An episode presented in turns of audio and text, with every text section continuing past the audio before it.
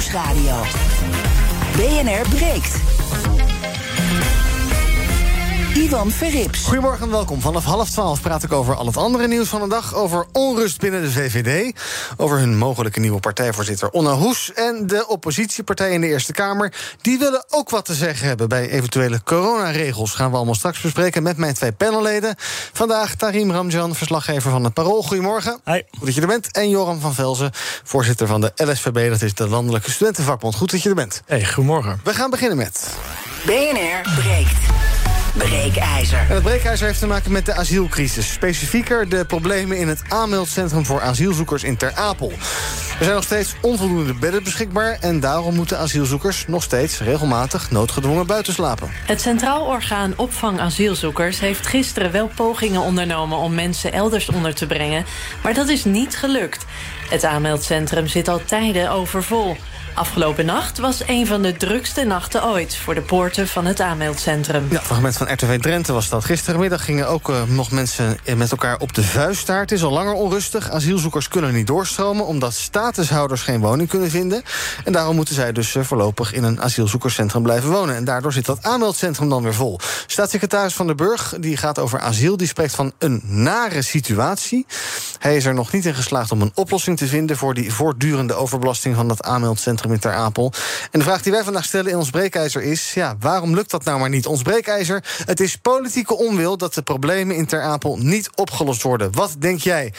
Wordt het tijd om daar eens hard in te gaan grijpen? En zo ja, hoe dan? Of kan dat niet? Of durft Den Haag dat niet? Wat is het probleem? Ik hoor het heel graag van jou, wat jouw ideeën daarbij zijn. Het is politieke onwil dat de problemen in Ter Apel niet opgelost worden. 020 468 4 keer 0 is ons telefoonnummer. 020 468 4 keer 0 als je wil reageren. Je kan ook van je laten horen via BNR Nieuwsradio op Instagram. Maar het handigste is even bellen. 020 468 4x0. Zometeen hoor je hoe mijn twee panelleden erover denken. Maar ik begin bij Leo Lucassen, hoogleraar arbeids- en migratiegeschiedenis aan de Universiteit Leiden. Goedemorgen, Leo. Goedemorgen. Ja, het is politieke onwil dat de problemen in Ter Apel niet opgelost worden. Is het, wat, wat, wat is het nou? Is het nou uh, uh, ja, uh, overmacht of onwil? Nee, het is onwil. Kijk, het is niet zo dat nu die, die cijfers enorm veel hoger zijn dan, dan een tijd terug. Um, dus dat, dat is niet aan de hand. Uh, nee, het is onwil van de politiek om dit gewoon fatsoenlijk te regelen. En hoe ze dat moeten doen, uh, dat is ook uh, door allerlei commissies van experts, ook commissies van het ministerie van Justitie zelf, al jaren geleden aangegeven. Um, alleen daar wordt niet naar geluisterd. Hm. Um, en, en ja, twee van die ideeën zijn... En aan de ene kant houden we gewoon een wat veel grotere buffer in stand... voor als aantallen weer wat oplopen. Uh, en sluit niet onmiddellijk alles als aantallen teruglopen. Hè, wat je ook bij personeel van IND... of dat dan weer wordt ontslagen als, het, uh, uh, als er weer minder asielzoekers komen. Ja, zes maanden later, dan hebben ze een groot probleem. Uh-huh. Dus dat is één uh, advies wat, wat al in 2017 is gegeven... waar geen waar de politiek niet uh, naar handelt. Ja, en een andere veel uh, structurelere oplossing... en ook dat is door commissies en ook door de Raad voor Openbaar Bestuur... onlangs nog, nog een keer benadrukt... Um, geef gemeentes hier een wettelijke taak. Met name in de opvang van, van asielzoekers. En ook naar rato van hun eigen inwoneraantal. Um, en dan ben je ook heel veel van dit soort problemen... zeker ook bij Ter Apel. Als je maar één van zo'n groot aanmeldcentrum hebt, ben je dan kwijt. Maar ook dat is iets wat uh, misschien Van de Burg wel uiteindelijk nu wel wil. Uh, uh, maar goed, voordat het zover is, ben je toch echt wel een jaar verder. Dus dat zal het probleem zoals dat nu is niet onmiddellijk oplossen. Nee, laten we zo even verder praten over die rol van die gemeente. Maar als we dan Van de Burg hebben, die zegt uh, een nare situatie... terwijl uh, jij zegt het is politieke onwil... allerlei andere clubs zeggen het is eigenlijk onmenselijk wat daar gebeurt. het, is, ja. het kabinet heeft het uitgeroepen tot een crisis. Dan, ja, Van de Burg, die, die, ja, wat, wat maak je dan van zijn opmerking een nare situatie? Nou ja, dat is natuurlijk nog wel een understatement. Ja. Hij heeft natuurlijk ook wel andere dingen daarover gezegd. Hè? Mm-hmm. uh, uh, kijk, dit is, dit is natuurlijk een zelf gecreëerde crisis door ook allerlei voorgangers van hem. Um, ook van zijn eigen partij. Uh, dus kijk, hij zit ook niet in een eenvoudige positie. Laten we dat, dat eventjes vaststellen. Want dit kun je niet zomaar met één hand omdraaien. Kun je dit, kun je dit oplossen. Um, in, in, in zoals het nu op dit moment zelf is georganiseerd... moet hij steeds gemeentes bellen en smeken of ze toch niet meer asielzoekers willen opvangen. En uh, ja, heeft daar niet al te veel macht. Ja, hij kan, heeft wel een doorzettingsmacht, zoals dat dan heet. Maar dat, dan, dat gebruikt hij natuurlijk liever niet. Uh dus ja, dat dit een, on, een, volkomen onwenselijke situatie is. En ook ja, een beetje erg beschamend. Ik denk dat hij daar ook wel mee eens is. Um, en hij, ja, hij zoekt natuurlijk wel nu naar middelen om dit iets structureler op te lossen. En ook via Um, uh, waarbij gemeentes echt hier een veel duidelijke rol in krijgen. Alleen ja, dat gemeenten zeggen dan weer ja, hallo. Ja. Maar dan weten we precies hoe het gaat. Want dan, uh, uh, dan draaien wij ervoor op. En dat hebben we wel bij meer uh, beleid van de Rijksoverheid gezien. Denk aan de jeugdzorg, die ook is gedecentraliseerd naar gemeentes. Dus uh, die zijn natuurlijk wel wat sceptisch. En, die, en die eisen, en daar hebben ze volkomen gelijk in... dat hier hele harde garanties voor financiering dan ook komen. En ook echt op de langere termijn. Ja, want dat was bij die decentralisatie ook altijd een probleem.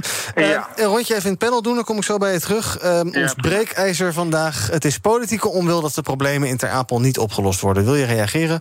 Pak je telefoonbel naar 020 468 4 keer 0 Dan kom je zo meteen bij me in de uitzending. Um, naar Joram. Wat denk jij? Is dit, uh, overkomt dit ons of is dit gewoon, kijk, gewoon beleid? Nou, nu moet ik zeggen dat dit niet precies mijn uh, gebied van expertise is. Dus uh, mijn eerste gedachte zou sowieso zijn... het is natuurlijk enorm schrijnend dat dit soort situaties zich voordoen... in een land zoals Nederland, waar we ons prijzen om hoe goed we met elkaar omgaan.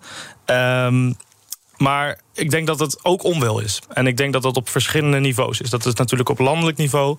Uh, maar ook gemeentes hebben hier een rol in. En als elke gemeente zegt: nee, wij willen geen, geen vluchtelingen opnemen. Ja. Dan krijg je situaties zoals in Ter Apel, waar gewoon uh, enorme uh, overstroming is eigenlijk. Mm -hmm. Ja, oké. Okay. Nou, het is één grote bestuurlijke puinhoop. En die kun je opruimen als daar de politieke wil voor is. Maar um, die is er niet. En wat je merkt uh, uh, is dat. Kijk, het ministerie van Justitie maakt tweemaal per jaar een inschatting van hoeveel asielzoekers je kan verwachten als land. Uh, NRC heeft dat heel mooi gereconstrueerd. En het is niet uitgesloten dat die cijfers stelselmatig worden onderschat. Want het is nu eenmaal, zeker met de huidige regering en ook het huidige politieke klimaat, geen populaire boodschap in dit land dat er meer asielzoekers komen. Maar dat werkt vervolgens door in al die uitvoeringsorganisaties, de IND, het COA, die op basis van die lage prognose, die dus waarschijnlijk niet klopt, mm -hmm. uh, ook ondergefinancierd worden. Dan krijg je situaties dat het COA op instorten staat. Uh, je moet ook kijken, bovendien, naar hoe die gemeenten zich nu opstellen. Ik vind het. Um, uh, heel interessant hoe uh, het Veiligheidsberaad een best wel sterke vuist maakt en een grote mond heeft gekregen ook. Um, en gemeenten hebben inderdaad, wat, wat uh, Leo Lucas ook al zei, hebben steeds meer aangestuurd op goh, zelf ook besluiten nemen, zelf handelen, zelf ruimte krijgen daarvoor. Maar als vervolgens geen enkele gemeente dan zegt wij willen een opvanglocatie of wij willen asielzoekers huisvesten, ja, dan kan je als Rijk ook niks. en dan moet je misschien als Rijk zeggen, nou ja, weet je, we komen er niet uit als de gemeente het zelf regelen. Wij gaan het weer. Uh, wij gaan weer de teugels aantrekken. Ja, en daar maak je dan ook allerlei partijen weer niet populair mee. Want dan zeggen gemeenteraad er ook van... hallo, waar zijn wij dan in dit verhaal? Nou ja, die hebben nu net natuurlijk... Uh, of net, maar die hebben nu meer macht gekregen. En dat pak je weer af. En dat is altijd veel pijnlijker dan een situatie... waarin je die macht überhaupt niet hebt. Even kijken naar onze bellers. Albert-Jan, goedemorgen. Ja, goedemorgen. Zeg maar. Ja, is natuurlijk politieke onwil. Uh, wat ik ook een beetje mis met de, bij, bij, de, bij, de, bij, de, bij de gemeentes. Ja, kijk, ik denk niet dat zij ook dat naar hun burgers kunnen, kunnen verkopen. En dat ze daardoor een beetje ook terughoudend zijn. Het is natuurlijk, er zijn heel veel negatieve uh, verhalen eronder doen. waarin die mensen voor overlast natuurlijk in de wijk gaan zorgen. of in bepaalde gebieden. -hmm. Ja, dus iedereen is daar erg voorzichtig mee natuurlijk. En daardoor strookt het natuurlijk helemaal op. Want daardoor zeggen de gemeentes: nee, wacht even, want ik wil geen problemen met mijn burgers. En ja, ja en, en, enzovoort. Dus uh, ja, dat is natuurlijk een, een, een groot issue. Ja, heb, je een idee wat, dat... heb je een idee wat een uitweg uit die crisis kan zijn? Ja, nou ja, twee uitwegen. Ja, de meest drastische en denk ik ook nog niet gewilde, dat is zoals Engeland het doet, ergens anders. En, en, en, en als tweede denk ik gewoon dat ze een, bepaal, een bepaalde gebieden moeten zoeken waar de overlast voor de bewoners het minder is. En dat grootschalig gewoon goed opzetten met een hele goede begeleiding daarbij. Dat die mensen wat te doen houden, dat daar goed, goed, goed toezicht is op die, op die mensen. En dat, en dat dat daar geen rottigheid van kan gaan komen. En als je een paar van die goede centra's bouwt en dat goed begeleidt, ja, dan krijg je natuurlijk veel meer de burgers mee en ook de rest. Dank voor het bellen. Sheila, goedemorgen. Ja, goedemorgen. Zeg het maar. Ja, eh, moet je horen, ik vind, als je geen ruimte hebt, nodig die mensen daar niet uit. Mhm. En daarom daar komen ook mensen die niet eens vluchtelingen zijn, die komen hier kattenkwaad uithalen. En daar houdt men helemaal geen rekening mee. Je eigen mensen kan je niet eens huisvesten. Jongeren moeten lopen en bedelen voor een kamer. Ja. Dat is de schande van ons land. Ga niet mensen opvangen om op straat te zetten. Zegt u dan eigenlijk, eh, ja, dan maar minder men of geen mensen eh, binnenlaten? Genoeg, genoeg geweest. Onze mensen, mensen van het land, die huilen om een kamer. Ja, dan moet je niet allemaal nieuwe mensen erbij hebben. Dank voor het Sheila. BNR breekt. Ivan Verrips. In mijn panel vandaag Joran van Velsen van de LSVB... Tarim Ramjan van het Parool en ook bij me is Leo Lucassen... hoogleraar arbeids- en migratiegeschiedenis aan de Universiteit Leiden. We praten over ons breekijzer. Het is politieke onwil dat de problemen in Ter Apel niet opgelost worden. Wil je reageren? Pak je telefoon, bel naar 020 468 4x0. Dan praat je zo mee in de uitzending. 020 468 4x0. Leo, jij plaatste vanochtend een tweetje... over dat je in deze uitzending te gast zou zijn. En daar zag ik heel erg veel reacties op komen. Ehm, Veel in de, eh, in de strekking van ja, het is vrij makkelijk. Gooi gewoon die grenzen dicht. Ehm, stel, dat, stel, dat je dat, stel dat je dat zou willen. Zou dat kunnen? Eh, nou ja, grenzen dichtgooien, dat is niet zo heel eenvoudig. En, eh, kijk, wij, eh, wat je zou kunnen doen, als we het er allemaal over eens zijn, maar dat 60% van de Nederlanders vindt dat we wel degelijk vluchtelingen moeten opvangen. Eh, nou ja, daarvoor is er een, een vluchtelingenverdrag ooit ondertekend in 1955. Eh, en dat betekent dat wij verplicht zijn om mensen die eh, asiel aanvragen, om dat te beoordelen. Hè? Dat kan zijn dat je dan zegt, ja nee, u krijgt geen eh, status, dus u moet weer vertrekken. Maar op, zolang wij niet dat verdrag opzeggen, en nogmaals 60% van de Nederlanders is daar ook geen voorstander van, ja, moeten we dit gewoon fatsoenlijk regelen. Dus, en dan kun, je, dan kun je ook niet zeggen, we gooien de grenzen dicht, even, even los van hoe je dat in godsnaam zou moeten doen met, met de grenzen die we hebben.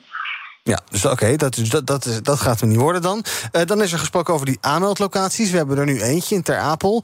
Eh, Er is gesproken over een nieuwe in, in, in Band, geloof ik, in Flevoland. Ja, ja. Maar dat heeft dan weer eh, eh, eh, bezwaar bij de, bij de gemeente en dergelijke. Ja, ja. ja. ja, zo'n nieuw centrum moet er toch gewoon komen. Dat, ja, kan, Nou ja, ik denk dat, dat het veel kleinschaliger moet en, en dat het veel meer moet worden verdeeld over gemeenten. Zoals dat plan van die adviescommissie Vreemdelingenzaken van het ministerie van Justitie zelf ook ehm, eh, in een uitgebreid advies heeft bepleit. Eh, want die hele grote eh, centra die hebben natuurlijk ook, gro- ook grote nadelen. Ehm, eh, omdat ze vaak, eh zeggen, heel veel mensen, in, ja, vaak in kleine gemeentes dan eh, moeten er worden opgevangen. Ehm, en dat leidt, eh, nou ja, goed, je ziet waar dat nu in Ter Apel toe leidt. Ehm, en nou ja, waar Albert Jan het had over, over overlast. Kijk, het beeld is nu natuurlijk ook heel sterk ehm, bij iedereen die een beetje de media bijhoudt. Eh, is heel sterk dat het ons over de schoenen loopt. Want ja, waarom moeten er anders zoveel mensen buiten slapen? Dus dat, dat, dat wekt ook het beeld dat er, dat er een soort onbeperkte en oncontroleerbare stroom van mensen hier naartoe komt. Terwijl als je naar de cijfers kijkt, is dat niet het geval. Eh, Vrij stabiel, dat- Dus wat zeg je? Het is vrij stabiel, die cijfers. Ja, die zijn, tamelijk stabiel. Het enige is wat, wat we dus heel slecht doen, is zorgen dat we, eh, dat we voldoende opvangcapaciteit hebben. Ja, en tuurlijk is er ook overlast. En, en, maar dat is, eh, eh, als je gaat kijken, met name asielzoekers uit wat we dan noemen veilige landen. Dus denk aan landen als eh, Marokko, ehm, ook wel eh, Tunesië. Ehm, ja, dat is maar een heel klein gedeelte van, die, eh, van, die totale, van het totale aantal asielzoekers. Alleen daar is wel onevenredig veel aandacht voor. En dat verklaart waarom sommige mensen denken... ja, potverdorie, komen ze hier een beetje de... ehm, eh, hè, wat, wat zoals Sheila noemde... kattenkwaad of, ja. of weet ik. Hè, de, dus dat is heel sterk het beeld... waardoor deze voortdurende crisis... bij heel veel mensen op het netvlies eh, staat. En nou ja, dat, dat creëer je zelf als je dit allemaal niet goed regelt. Ja, Tarim, wat is jouw beeld van de mensen die in Ter Apel zitten? Zijn dat mensen die inderdaad eh, komen om een beetje een belletje te lellen en vervelend te doen? Of zitten daar vooral mensen toch die ja, eh, niet voor een lol weg zijn gegaan uit eigen land? Nou, ik zie vooral mensen die in een uitzichtloze situatie zitten en eh, door de weilanden daar struinen eh, omdat ze niks te doen hebben. En volgens mij wil het COA ook zoveel mogelijk voor te doen, maar zitten die ook helemaal met hun handen gebonden. Kijk, het beeld dat de grenzen worden platgelopen, dat klopt gewoon niet. Dat, het gaat erom dat Ter Apel een flessenhals is en dat eigenlijk de doorstroom is gestokt. Dat is, eh, van, eh, dat is een hele belangrijke nuance. Uh, bovendien uh, is het ook zo dat toen de Oekraïners kwamen, gemeenten binnen no time uh, duizenden bedden konden regelen. En in de lente ook nog eens iets van 4000 bedden, geloof ik, mm -hmm. leeg waren. Maar ja, die waren wel gereserveerd voor Oekraïners. Dus de. de dat werd ook gezegd, hè, van we kunnen onze eigen mensen niet huisvesten. Waarom dan mensen toelaten? Nou, die plekken zijn dus wel te regelen. Als, ja. als de nood hoog is, en dat voelden we allemaal heel erg in februari en maart met, met de Oekraïners. Uh, van oké, okay, die komen nu onze kant op, dan kan het. En die nood is nu ook hoog, die is al heel lang hoog. Um, dus er valt gewoon wat te regelen. En dat wordt niet gedaan. Nou, het is ook een beetje dat not in my backyard verhaal. Hè? De meerderheid van de Nederlanders is voor windmolens, maar ja, niet bij mij in de achtertuin. Nee. -hmm. Dus het gaat ook wel dat we even kritisch naar onszelf moeten kijken. Naar ja, welke rol moeten we ook zelf pakken. En als elke gemeente zegt not in my backyard, dan gebeurt dat ook gewoon niet. Ja, en de eerste bellen die had het over dat de gemeente het dan misschien niet kan verantwoorden naar zijn eigen inwoners. Dat snap ik. Maar ja, dat is ook een beetje de ondankbare taak van de gemeente. De gemeente doet wel meer. Dus ook belastingen heffen, doet handhaven, doet afval ophalen. Het zijn allemaal dingen die, ja, dat is niet leuk, maar het moet wel gebeuren. Dus ja. soms moet je ook dingen uh, doen die, waar niet iedereen blij mee is. Ja, je hebt moedige bestuurders nodig. Leo, je hebt, uh, het kabinet heeft dit als een soort crisis bestempeld. Dus wat, wat merk je daar tot nu toe van? Heeft dat zin gehad? Je bedoelt van de oplossingen ja, die, naar die crisis aanpak. Of, de, of dat bestempelen van dit, dit probleem tot een crisis. Heeft dat zin gehad? Nee, want dat, dat, dat uh, versterkt alleen maar het gevoel dat het een crisis is. Kortom, dat, dat we uh, eigenlijk uh, worden overlopen, zoals ja. Karim ook net al uh, zei. en, dat, en daar heeft natuurlijk voorkomen gelijk. Dat, dat is niet het geval. Dus wat er, ehm, wat er, wat er het grote probleem is, dat we een veel te kleine opvangcapaciteit ja. in de lucht hebben gehouden. En nou ja, dan krijg je dus wat, wat ook die adviescommissie zegt. Ja, dan, dat is een soort van pieken en dalen je weet gewoon dat als het de cijfers weer omlaag lopen, dat dat, uh, laat ik zeggen, dat dat moment weer omhoog gaat. En als je dan alles weer hebt afgeschaald en allerlei personeel weer hebt ontslagen, ja, dan vraag je erom uh, dat het een crisis wordt. Dus ja. dit is echt een zelfgecreëerde crisis. Ja. En, en dat voor het draagvlak is dat natuurlijk slecht. Want mensen denken, denken dan dat, dat het echt een echte crisis is. En dat is het niet. Nee. Al die, al die mensen die nu uh, buiten slapen, die honderden mensen... Uh, heb je het idee dat daar het ultieme voor geprobeerd wordt... in de zin van, uh, ik heb nog eens zitten kijken... bezetting van hotelkamers en dergelijke. Nou, dat is ook allemaal niet tegen de 100% aan. Er is zo'n zo idee geweest om iets met schepen te doen. Nou, dat gaat er ook weer niet komen. Dus nee. daar, daar zijn we allerlei ideeën, maar er gebeurt allemaal niks. Nee, nou ja, ik, ik, ik, ik, ik kan het niet helemaal goed beoordelen, daar zit ik iets te verder vanaf. Ik, ik heb wel het idee dat de huidige staatssecretaris echt wel van goede wil is en, en probeert om, laten we zeggen, binnen de middelen die hij nu heeft, om dit, dit enigszins op te lossen. -hmm. Maar als je naar het verleden kijkt, en ik ben, ben historicus en ik heb dat echt vanaf de jaren tachtig wel een beetje gevolgd, dan zie je dat ook en wat in de jaren negentig, toen er overigens nog veel meer asielzoekers naar Nederland kwamen dan in de afgelopen tien jaar. Um, heb je ook, had je ook berichten in de krant in 93, 94. Mensen moesten in maisvelden slapen, et cetera. Daarvan weten we nu dat, dat politici best wel goed uitkwam beeldvorming. Want dan hoopten ze dat dat, laat ik zeggen, zich zou uh, rondpraten. En dat de eventueel potentiële asielzoekers zouden denken van nou ja, in Nederland daar moet je niet zijn. Want hè, daar moet je in de openlucht slapen, et cetera. Uh, dus dat dat een afschrikwekkende functie heeft. Dat, dat is iets wat politici um, uh, vaak ook wel hopen. Ja. Dus, uh, dus ja, dat is natuurlijk een wat cynische um, interpretatie, maar die wordt door een aantal feiten wel gestaafd. Laten we even kijken naar uh, twee, drie bellers tot slot van dit half uur. Henk, goedemorgen. Henk? Ja, ja hallo, zeg het maar. Hallo. Ja, ik vind deze meneer, uh, historicus, eigenlijk wel. Uh, die, die zegt heel veel ware dingen. Uh -huh. Um, ja, het is, het is ook heel erg waar wat net gezegd werd door iemand in, in jullie uh, show, een uh, zogenoemde expert. Van ja, het moet niet dicht bij je komen. En dan ben ik misschien, ja, misschien wel een ervaringsdeskundige. Ik kom zelf uit de oorlog in uh, Oekraïne met mijn familie. Ja. Uh, ik was daar met mijn verjaardag uh, twee dagen ervoor voordat het uitbrak. En uh, we hebben er een uh, ruime week in gezeten. En dan kom je terug in Nederland en dan merk je inderdaad dat iedereen roept van... we moeten helpen, helpen, helpen. Maar oh nee, het moet, niet, het moet wel een ver van je bedshow blijven. Dat merk je gewoon overal. Ja. En dat is gewoon heel jammer. En dat, eh, als je dan kijkt wat er binnenkomt, hè, eh, die mensen worden ondergebracht in hotels. Uh, mijn, mijn naaste partner die is dan bij mij, maar dan zie je gewoon, het eerste wat mij opviel de eerste week, in die hotels zitten helemaal geen Oekraïners. Dat zijn mensen die via Oekraïne, want het stikt daar van de studenten en mensen die daar een, een tijdelijke vergunning hebben, die uit landen achter Oekraïne vandaan komen. Die allemaal een soort half Aziatische afkomst hebben, om maar het zo te zeggen. En die herken je ook meteen, want ik, ik kom daar al heel lang in Oekraïne, dus ik, ik, ik weet welke groepen dat zijn. En die waren het eerste hier, zitten ook in die hotels. Maar dat, zijn, dat noem ik, die, die, die, die stop ik onder de groep gelukzoekers dan. Hè? Terwijl de Oekraïners zelf, ook een familie uh, van ons, er zijn heel veel mensen zijn gekomen achter ons aan, die, die hebben zoiets van: ja, maar hallo, wij krijgen de, de slechtste plekken, de slechtste kamers. Die mensen die zitten, die horen hier eigenlijk niet. Want die moeten eigenlijk gewoon naar hun land waar geen oorlog is, moeten ze eigenlijk terug. Hè, wat, de, wat de regering ook al jaren niet doet met mensen die zogenaamd dan uit oorlogsgebieden komen, als Syrië, die ook daar helemaal niet vandaan komen, maar uit andere landen, doet deze regering ook niks mee. Dus ja, wat betreft politieke onwil, denk ik dat die er zeker ook is. Hè. Kijk alleen maar naar andere andere vlakken ook, zoals de mensen die door de belastingaffaire geïnteresseerd zijn, gebeurt ook niks bij. Hè. Dat is de regering nu. Uh, en die Oekraïners, mijn familie ook, die zeggen zelf ook.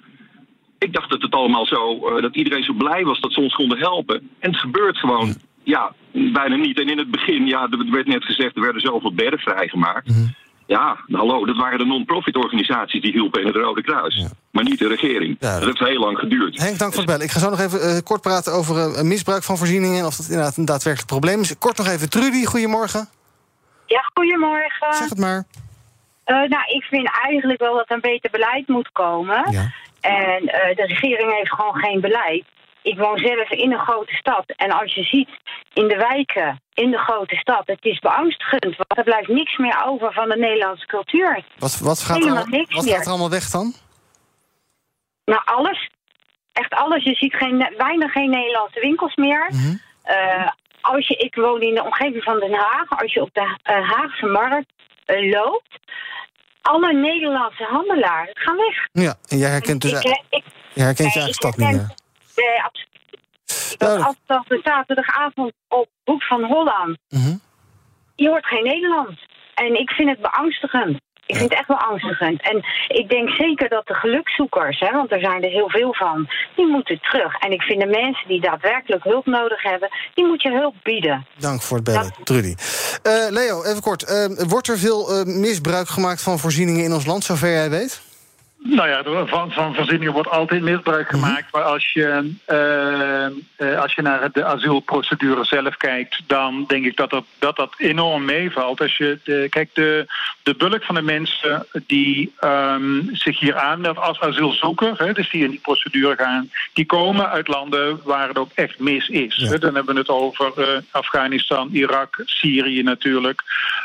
Ook nog Eritrea, Somalië. dat zijn eigenlijk de, de belangrijkste landen waar mensen vandaan komen. Nou, daar is, dat is, daar is geen, geen twijfel over mogelijk dat, dat ik zeg, in die landen um, een, een, situatie is waar, waar mensen echt een hele goede reden hebben om daar uh, weg te vluchten. Dus het is niet zo, en ik zei ook al eerder wat, wat dan hè, de veilige landers wordt genoemd. En die worden dan vaak uh, als, en masse als gelukzoekers betiteld. Um, ook nog de vraag of je dat zo gemakkelijk kunt zeggen. Maar dat is misschien 5, 6 procent van het geheel. Ja. Um, en die, die procedure zelf kijkt daar, kijkt daar vrij, vrij streng naar. Dus ik denk dat dat niet, niet, aan, dat dat niet het grote probleem is. Um, en wat, ja, wat betreft die, uh, die crisisopvang, dat is ook nog wel, er zit ook nog wel een heel groot nadeel aan. Dat mensen ook voortdurend van het ene naar de andere plek worden gesleept. Um, uh, wat ook, laat ik zeggen, hun latere integratie natuurlijk ook weer niet ten goede komt. Dus er zijn heel veel redenen, zelfs al ben je, laat ik zeggen, helemaal niet zo voor vluchtelingen of asielzoekers, mm -hmm. dan is het nog in je eigen welbegrepen belang dat dit uh, fatsoenlijk wordt, uh, wordt opgevangen. Ja. En ook dat degenen die een status krijgen, dat die zo snel mogelijk kunnen integreren. En een van de sleutels daarbij ligt dus bij de gemeente. En uh, ook de samenwerking erin met de Rijksoverheid en hoe dat verder moet. Nou ja, dat is dus de taak van Erik van den Burg. Dank, Leo Lucas, hoogleraar arbeids- en migratiegeschiedenis aan de Universiteit Leiden. Op Instagram is 60% het oneens met onze stelling. Het is politiek onwil dat de problemen in Ter Apel niet opgelost worden. Je kan daar nog de hele dag van je laten horen. En zometeen ga ik met mijn twee panelleden doorpraten over Onno Hoes. Die uh, wordt wellicht de nieuwe voorzitter van de VVD. Maar is dat nou wel zo handig? En we gaan het hebben over een uh, ruime meerderheid in de Eerste Kamer... die ook invloed wil hebben op coronamaatregelen. Moeten zij daar nou ook al wat van vinden? Nou, allemaal zometeen. Wij BNR Breek. Tot zo. Bij BNR ben je altijd als eerste op de hoogte van het laatste nieuws. Luister dagelijks live via internet. Jelle Maasbach. Wesley Weert. We zijn er voor je met het leukste, opvallendste, maar natuurlijk ook het belangrijkste nieuws. Tijdens de presentatie van die halfjaarcijfers toen die beurskoers in elkaar kukkelde. BNR Beurs. Voor de slimme belegger. Blijf scherp en mis niets. Blijf scherp. BNR Nieuwsradio.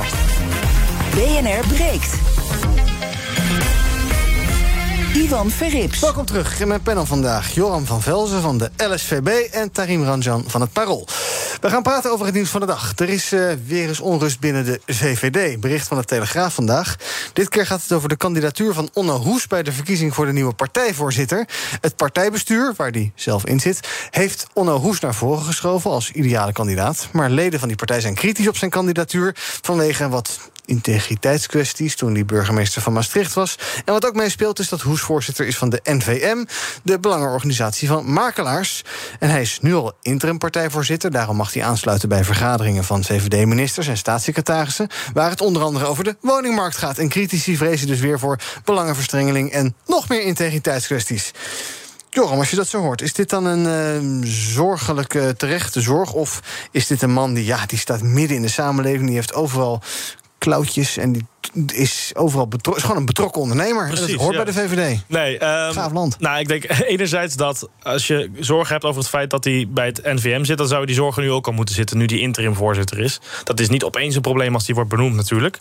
Um, en anderzijds, ik snap ook heel goed dat die VVD-leden alles wat ook maar iets uh, uh, enigszins lijkt op uh, integriteitsproblematiek willen voorkomen. Met, het, met de geschiedenis die ze hebben met heel veel oud-ministers bijvoorbeeld. Ja. Dus ik snap ook wel dat ze wat voorzichtiger zijn dan nodig. Ja. Um, uh, en ook wel best wel een prominente functie. Ook al ja, een partijvoorzitter. Je hoort er toen niet zo heel veel over. Ik bedoel, als ik jou vraag wie is de partijvoorzitter van D66? Ik zou niet Of weten. de PvdA. Nee. Of weet ik veel welke partij. Um, geen idee. Maar het is toch wel een functie. Ja, ja dus ja. Ik, ik snap ook wel heel goed dat die leden daar heel kritisch uh, naar kijken hoor. Absoluut. Ja, Um, wat denk jij, uh, Onno Hoes, dat is een, ja, een, een, een prominente VVD'er. Ja. Uh, goed als hij de voorzitter wordt van die club, hij staat wel echt het VVD-beeld uh, uit. Ja, het is ook een ervaren, ervaren politicus, ervaren bestuurder ook. Kijk, het argument over die integriteitstoestanden in Maastricht, daarvan denk ik dat is al wel weer een hele tijd terug. En hij heeft sindsdien, is hij ook volgens mij meerdere keren waarnemend burgemeester elders geweest. Mm -hmm. Dat vind ik niet zo heel sterk. Dat NVM-argument, dat, zoals Joram terecht zegt, dat speelt nu ook al als interim voorzitter. Uh, dat vind ik wel wat bezwaarlijker. En uh, ik heb het idee dat het wel beter gaat met de VVD in het kader van integriteit. Ik moet een beetje terugdenken aan de website. Is er een VVD'er opgestapt.nl? Oh ja. Nou, die is best rustig op dit moment. Mm -hmm. Maar uh, dat imago wil natuurlijk wel hoog houden. Zeker uh, nu we een tijd ingaan waarin Mark Rutte toch wel echt op zijn einde loopt. En het voor de VVD spannend wordt. Goh, wie gaan we nou naar voren schuiven? En hoe gaat onze partij het doen straks? Wil je niet een voorzitter die uh, ja, mogelijk brok kan maken? Ja, het is volgens die website al bijna 580 dagen geleden dat er een VVD'er opgestapt is. Ja, gaat toch bijna al proosten, hartstikke goed. Ja. Ja. Zou, zou de voorzitter van een politieke partij iemand moeten zijn zonder bijbaan en dergelijke, die gewoon SEC-voorzitter van die partij is? Of is dat ook onrealistisch om te verwachten? Het is onrealistisch, maar ik denk dat het goed is om daar iemand te hebben die. Uh, ja, iemand waar geen uh, kwesties nog aan kleven of, of onafgemaakte uh, zaken mee zijn. iemand die gewoon dat, dat die partij kan uitstralen, kan verdedigen. Iemand die een beetje het, ja, het, het, het kan coördineren allemaal. Ja. En het soort van kan faciliteren dat andere prominenten de plek krijgen die ze verdienen en, en gewoon ja, politiek kunnen ja, bedrijven. Het mag ook wel een wat zichtbaardere functie worden, of niet per se wat jou betreft? Ik denk dat het heel erg van de partij afhangt. Ja, ja bij de VVD zie je inderdaad dat uh, je hebt daar heel duidelijk een aantal prominenten waarop wordt ingezet. En die zie je de hele tijd. Dat, nou ja, goed, natuurlijk de grote Mark Rutte, maar ook een, een Dylan Jezielkes bijvoorbeeld, uh, die uh, natuurlijk een grote functie heeft gekregen. Um, dus dat, dat hangt heel erg van de partij af. Maar ik denk dat dat wel kan werken, ja. toen jij naar, als voorzitter naar voren werd geschoven, um, zat je toen ook al in het bestuur? Heb jij eigenlijk jezelf als voorzitter voorgesteld? Nee, dat heb ik niet gedaan. Wel een beetje typisch, toch? Of kan dat wel? Ja, nee, wij, wij hebben een onafhankelijke sollicitatiecommissie die dat uh, allemaal regelt. En ik denk dat dat een hele goede zaak is. Ja. Uh, het is natuurlijk uh, gebeurt dat ook wel vaker dat een bestuur dat zelf doet. Mm -hmm. um, maar ik kan me voorstellen als er iemand is waarbij je al vraagtekens hebt, dat het extra gek is als diegene ook in het bestuur zit, wat die voordracht doet. Ja. Onno Hoes zegt zelf dat hij uh, niet als lobbyist bij de NVM heeft gezeten... en ook geen invloed heeft kunnen uitoefenen op het kabinetsbeleid... ondanks dat hij dus wel bij dat bewindspersonenoverleg zat.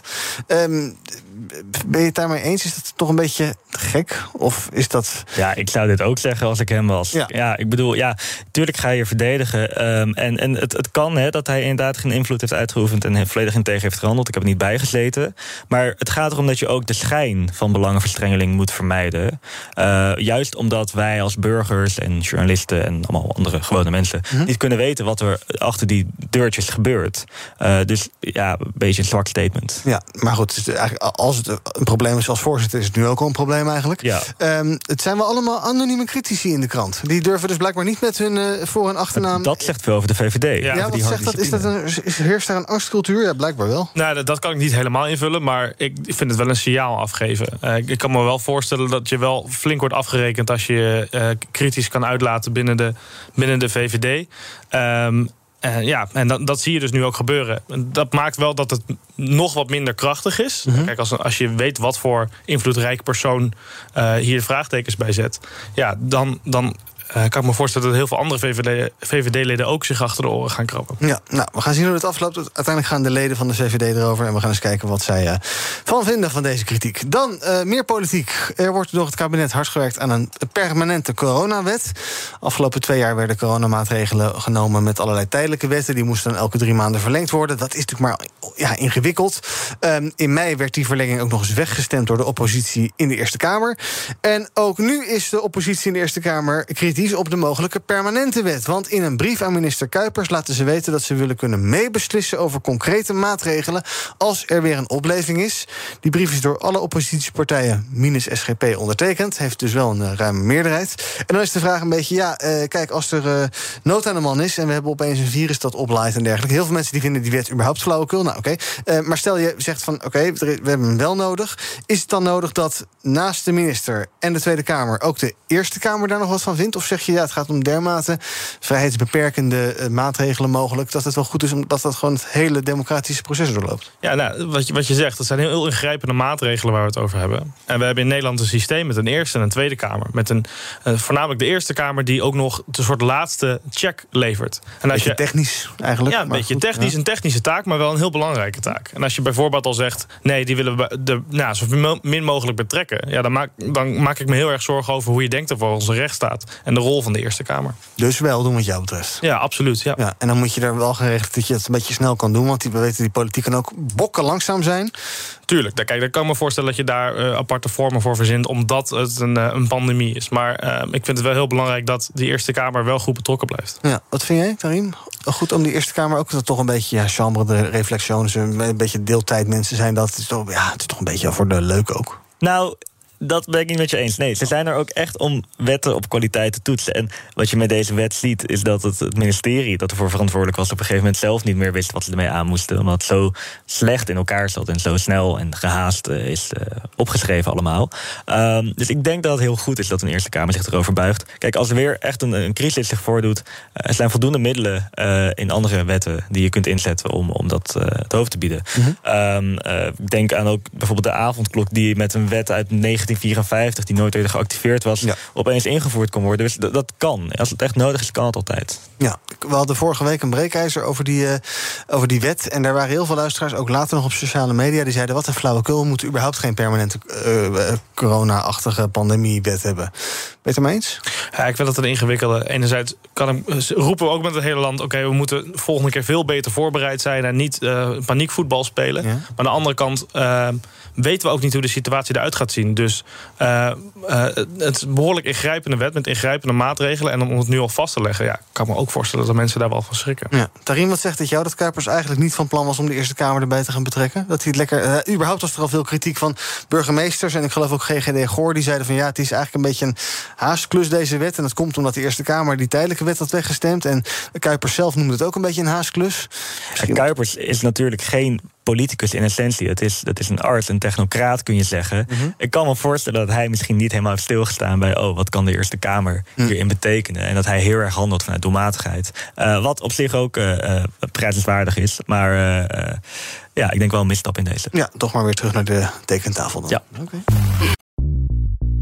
Bij BNR ben je altijd als eerste op de hoogte van het laatste nieuws. Luister dagelijks live via internet. Jelle Maasbach, Wesley Weert. We zijn er voor je met het leukste, opvallendste, maar natuurlijk ook het belangrijkste nieuws. Tijdens de presentatie van die halfjaarcijfers toen die beurskoers in elkaar kukkelde. BNR Beurs. Voor de slimme belegger. Blijf scherp en mis niets.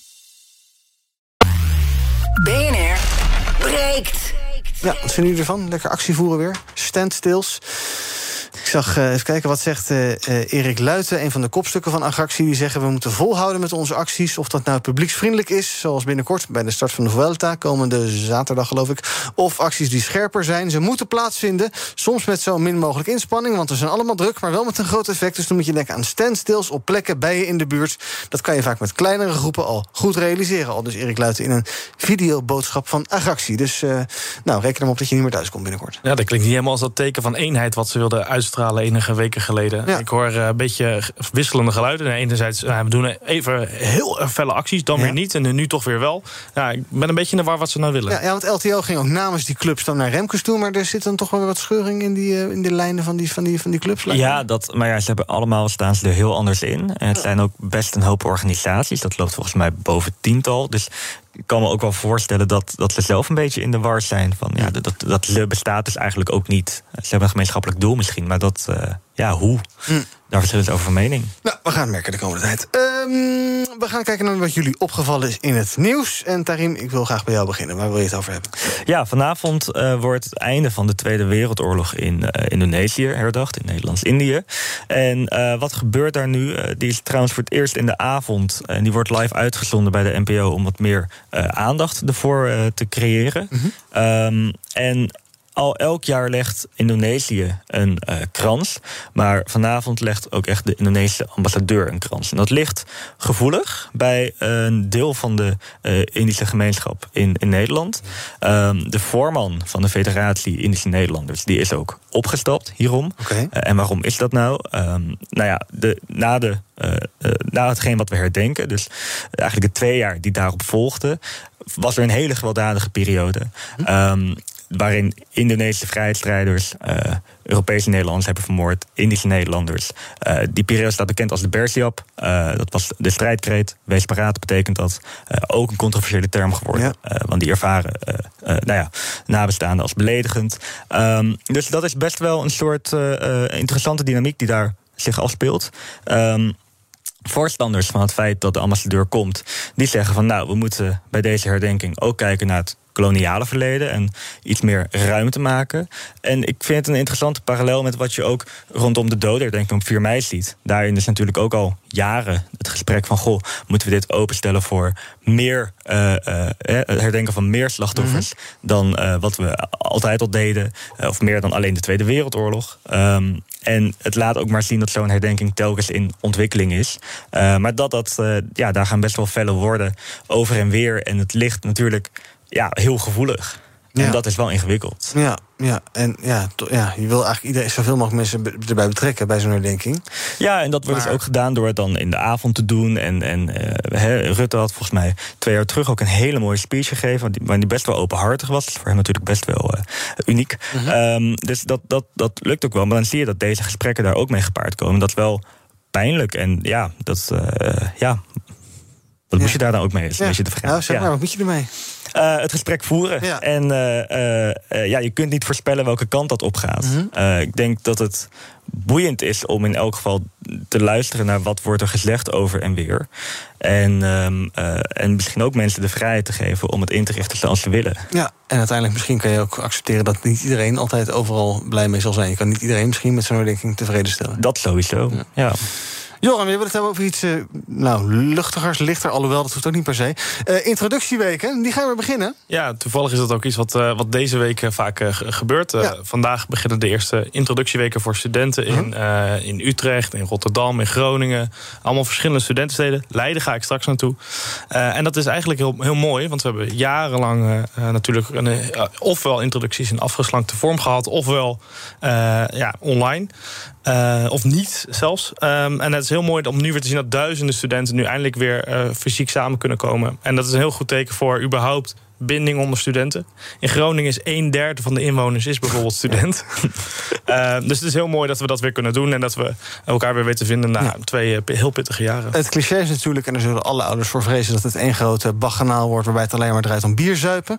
Uh, hoeveel procent is bierzuipen van zo'n introductieweek? Nou, het is best wel goed geregeld. Veel bier? Nee, nee dat niet. Oh. nee, het is een heel divers programma. Dus je kan je ook echt voorstellen dat er educatieve elementen zijn... Mm -hmm. sportverenigingen die, die dingen delen. Um, en wat ik vanochtend ook eh, las uh, in de, de Telegraaf was heel mooi.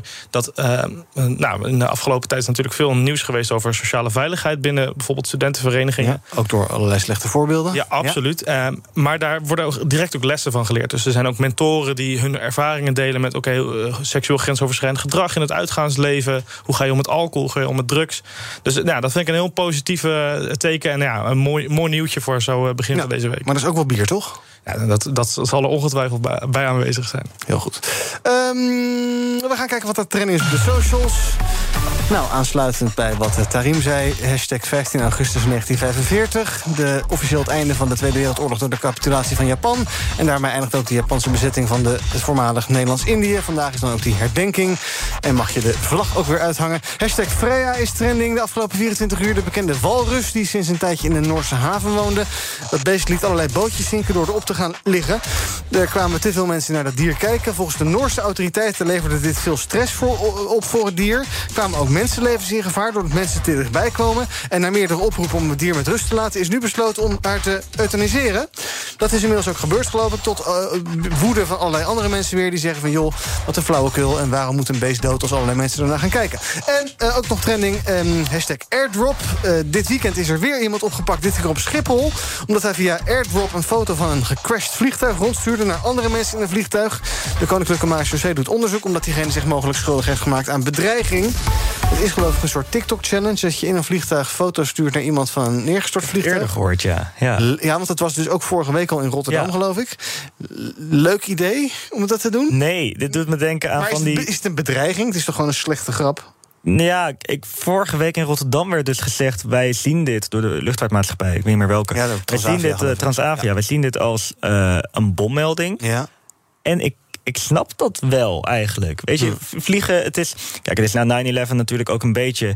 Uh, al die veiligheidscontroles zijn toen pas gekomen. Het kan ook wel heel intens zijn, zo'n controle. Maar ook wel om een reden. Je, zit, je, je kan niks als je eenmaal in de lucht bent. En als je dan zo'n mededeling krijgt. wat nou gesproken tekst is van. Goh, ik heb een bom bij me. Of ja. uh, het is een foto. Ja, dat maakt natuurlijk in essentie niet uit. Die vorm hoe je dat doet. Ja. Uh, en. en ja, dat is voor heel veel mensen ook echt eng. Ja, het woord bom maar niet noemen op luchthavens, dat lijkt me sowieso verstandig. Ja, zeker. Uh, die vent die vorige, was geloof ik een 18-jarige man of zo, of 20, die vorige week op, uh, in Rotterdam is opgepakt, die heeft uh, een vijf jaar lang een vliegverbod met Transavia gekregen. Is dat terecht een straf of wel een beetje te streng? En zou je moeten kunnen zeggen: oké, okay, dit is heel erg dom van jou, dat moet je niet meer doen. Nou, ik kan me voorstellen dat ze ook een soort voorbeeld willen stellen daarvan. Dat ze even een behoorlijk pittige straf stellen hieraan, om maar even duidelijk te maken dat dit echt niet de bedoeling is. Hm. Kijk, het is ontzettend smaakloos en heel veel mensen worden daar uh, natuurlijk bang van. Um, en je wil natuurlijk voorkomen dat vanwege een TikTok-trend... Uh, ja, mensen echt uh, angstig in het vliegtuig zitten. Ja. Bovendien, maar dat is dan een gratis tip van mij... zet je airdrop uit voor mensen die niet in je contactenlijst staan... want die kunnen allerlei rotzooi rondsturen. Daar heb je misschien geen zin in. Tot slot nog heel even kort naar apenpokken, monkeypox. De Wereldgezondheidsorganisatie gaat een open forum organiseren... om op zoek te gaan naar een andere naam voor het apenpokkenvirus. Die naam zou namelijk denigrerend en racistisch kunnen zijn... schrijft, eh, schrijft ABC News. Heeft ermee te maken dat uh, uh, ja, mensen bij apen vaak denken aan Afrika, Azië, Zuid-Amerika... en dat het woord aap wordt gebruikt als racistisch geldwoord... voor gekleurde mensen. Daarnaast pasta monkeypox niet correct zijn, want apen zijn niet de voornaamste gastheer van dat virus. En dus zoeken we een nieuwe naam voor apenpokken. En daarbij las ik bij ABC Nieuws dat zij schreven: ja, dan moeten we ook de Spaanse griep gaan hernoemen. Dan moet je MERS gaan hernoemen. Dan moet je het Marburg-virus gaan hernoemen. Dus zeg het maar, apenpokken, wat wordt de nieuwe naam? Ja, ehm, ja, ik wil mijn naam op zich wel nomineren om uh, daar pokken je wel een virus aan? Ja, ik zou dat wel tof vinden. Een mooie nieuwe koosnaam. Ja, ik weet het niet. Ik, uh, als mensen daar last van hebben, dan uh, prima om dat te veranderen. Ik heb niet gelijk al nieuwe ideeën. Nee, nou, ik moet je wel heerlijk zeggen, ik heb helemaal niet gedacht aan die term aap voor zwarte mensen bij apenpokkenvirus. Dat hoor ik. Dus door dit ga ik daar nu pas over nadenken. Ja, zeg ik eigenlijk doordat er iemand van kleur. Dus dat, ja, ja, dat vind ik een beetje een vreemd redenering. Ja, misschien een beetje vergezocht ook. Want die, naam is ook al in 1958 bedacht, geloof ik. Ja, om dat nu nog aan te aanpassen. Ja, ja, ja. ja nou, dan is geen inzendingen van jullie dus. En van jou dus uh, Joran Pokker. Ik heb het genoteerd. Dank, Dank voor jullie aanwezigheid vandaag. Tarim Ramzan van het Parool en Joran van Velzen. Naambedenker van de APO, uh, Pokker en voorzitter van de LSVP. Morgen ben ik er weer met BNR Breekt. Nee, dat gaan we niet doen, schapje. Uh, tot die tijd kan je ons volgen via de socials. YouTube, Instagram, Twitter, TikTok, LinkedIn. Zoek maar even op BNR. Je vindt ons daar vanzelf. En zometeen is hier BNR Zaken doen met Thomas van Zel. En hij praat onder andere met Pier Erika. Tot morgen. Bij BNR ben je altijd als eerste op de hoogte van het laatste nieuws. Luister dagelijks live via internet. Jelle Maasbach, Wesley Weert. We zijn er voor je met het leukste, opvallendste, maar natuurlijk ook het belangrijkste nieuws. Tijdens de presentatie van die halfjaarcijfers toen die beurskoers in elkaar kukkelde. BNR Beurs. Voor de slimme belegger. Blijf scherp en mis niets.